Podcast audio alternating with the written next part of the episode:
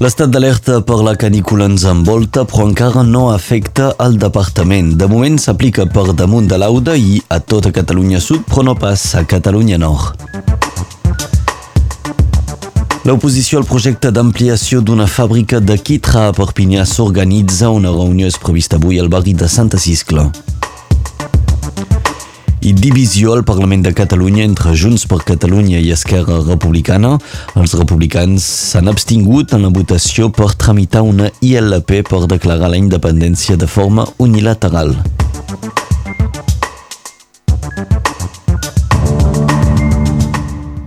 Un accident mortal s'ha produït aquesta nit a la via ràpida entre Perpinyà i Canet. Dos joves caminaven a la vora de la via ràpida perquè llur scooter havia patit una pana. En aquell moment, una botura va arribar i va xocar contra els dos joves que van morir, però un altre accident va seguir entre dues botures. Quatre persones més van ser ferides. La gendarmeria ha obert una investigació per aclarir les circumstàncies d'aquest accident. Els Pirineus Orientals és un dels pocs departaments que encara no han estat plaçats en vigilància taronja per la canícula.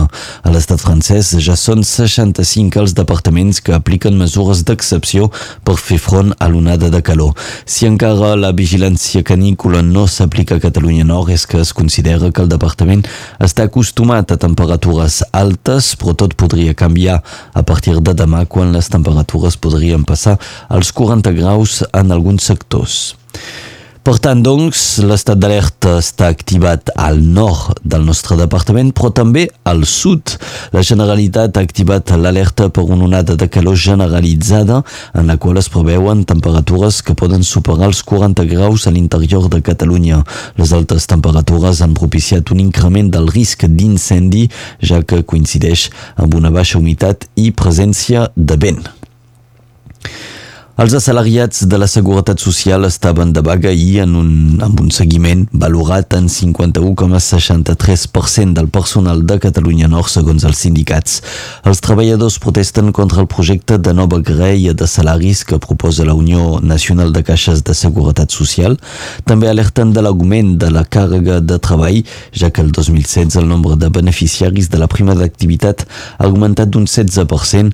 Aquesta situació s'afegeix al tancament d'alguns centres centres de la CAF, com és el cas al barri del Bernet. Una reunió pública és convocada avui pels opositors al projecte d'ampliació de la fàbrica de Quitra que es troba a prop de la clínica Sant Pere de Perpinyà. Un col·lectiu s'ha creat per denunciar l'expropiació de terres agrícoles sobre 9 hectàrees entre els barris del Baix Pernet i de Santa Ciscla. Agricultors, veïns i ecologistes reclamen l'abandó del projecte. Aquell tema es debatrà avui, aquesta tarda, a les 6 i mitja, a la casa dels sindicats de Santa Ciscla, al carrer de la Garrigola. Segons el relator especial sobre drets humans i extrema pobresa de l'ONU, Philip Alston, l'emergència climàtica amenaça de desfer el progrés aconseguit en els darrers 50 anys pel que fa a drets humans, desenvolupament i reducció de la pobresa al món. Alston ha estat molt contundent al moment de denunciar que la crisi climàtica tindrà el seu pitjor impacte amb la pobresa, però amenaça també la democràcia i els drets humans. Albert Noguer.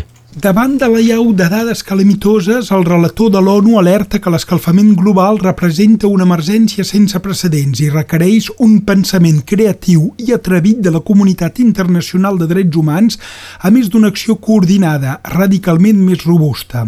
El panorama que afectaria especialment els països més pobres, que es carregarien amb el 75-80% dels costos del canvi climàtic, diu l'informe, i que resulta especialment injust si es tenen en compte la responsabilitat responsabilitats d'aquestes emergències climàtiques provocades per l'home. La meitat més pobra de la població mundial, 3.500 milions de persones, és responsable només del 10% de les emissions de CO2, mentre que el 10% de població més rica produeix la meitat de les emissions globals. Davant de la llau de dades calamitoses, l'ONU alerta que l'escalfament global representa una emergència sense precedents i requereix un pensament creatiu i atrevit de la comunitat internacional de drets humans, a més d'una acció coordinada radicalment més robusta. Els governs i molta part de la comunitat i defensora dels drets humans han fracassat, diu l'ONU, durant dècades a l'hora d'afrontar seriosament el canvi climàtic, una crisi climàtica que demà amenaçarà els drets humans i la democràcia. Moltes gràcies, Albert Noguer. Actualitat sud-catalana pels presos independentistes que arribaran avui a les presons catalanes. Junqueras, Forn, Turull, Rull, Sánchez, Cuixart i Romeva passaran primer per la presó de Brians 2 abans d'ingressar al centre penitenciari de Lledoners, on ja hi van ser empresonats durant mig any. Carme Forcadell i Dolors Bassa viatjaran avui des de Madrid fins a la presó de Brians 2. Després, totes dues aniran als centres penitenciaris on eren abans del judici. Bassa a la presó de Figueres i Forcadell a la presó de Mas d'Enric al Tarragonès. La mesa del Parlament de Catalunya ha rebutjat una iniciativa legislativa popular a favor de declarar la independència de forma unilateral.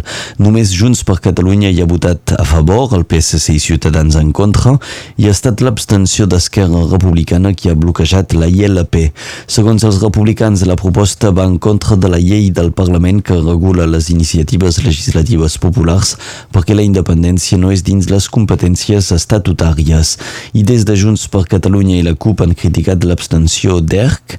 Junts per Catalunya defensava la proposta perquè el Parlament s'ha de poder parlar de tot, segons el vicepresident primer del Parlament, Josep Costa. El Tribunal de Justícia de la Unió Europea podria ser l'encarregat d'aclarir si Oriol Junqueras té immunitat o no. És un pas més per la defensa de Junqueras per aconseguir l'acte d'eurodiputat. El Tribunal Suprem també ha donat tres dies a les acusacions i les defenses perquè es pronunciin respecte a aquesta decisió. Mentrestant, Junqueras es queda a la presó a l'espera de la sentència del Tribunal de Justícia Europeu. A l'estat francès, set sindicats de bombers de tot l'estat anuncien avui una vaga per reclamar més mitjans i un millor reconeixement de llur treball. Evidentment, en cas d'urgència, els bombers sempre seran presents, pronuncien una vaga simbòlica durant tot l'estiu. L'USAP va tornar a la feina ahir després d'un mes de vacances. Els usapistes afronten una temporada Pro D2 amb l'objectiu d'acabar entre els sis primers i jugar les fases finals del campionat. El primer partit es jugarà el 23 d'agost per l'inici de la competició.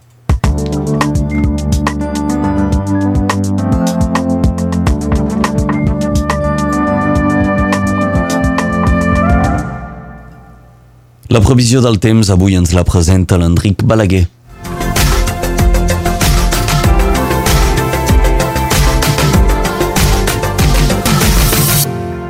Avui començarem per la dita del dia. No hi ha primavera sense flors ni estiu sense calors. Tot augmenta i les temperatures també. Marinada i mitjorn seran els vents dominants. El 26 de juny de 2012 ha fet 36 graus a la Llevanera. Avui és el Vallespí que tindrà més calor. Al País de les Cireres podrien tenir fins a 38 graus. El mercuri arribarà per sobre de 30 graus a totes les parts de Catalunya Nord i també a la muntanya. Tindrem 30 a Font-romeu com als angles. Més que mai us fem la recomanació de pas exposar-vos al sol, o bé que sigui en prudència. L'índex UV va de 9 a la plana del Rosselló fins a 11 a Cerdanya, un valor molt excepcional. Berets, gorres, ulleres de sol i crema hauran de fer part dels vostres equipaments si sortiu, evidentment, i les persones amb risc, com la gent gran o els infants, s'han d'hidratar. Les màximes seran de 31 a Sant Pau de Fenollet, 33 a Pesia de la Ribera, 34 a Prada, 35 a Prats de Molló, 31 a Raieu. I això hauria de durar i augmentar fins divendres, on possiblement cauran rècords. El 26 de juny 1908, neixia Salvador Allende, president de Xile. Va morir a causa del bombardeig del Palau de la Moneda pels militars colpistes l'11 de setembre de 1973. Més a prop de nosaltres, per la geografia i el temps, el 26 de juny 1991 va néixer Angélique Duchemin, boxejadora de Tui, que va ser campiona de França, d'Europa i del món i que ens ha deixat a l'agost 2017. Avui és Sant David és Dia Internacional contra l'ús indegut i el tràfic il·lícit de drogues i Dia Internacional de suport a les víctimes de tortura.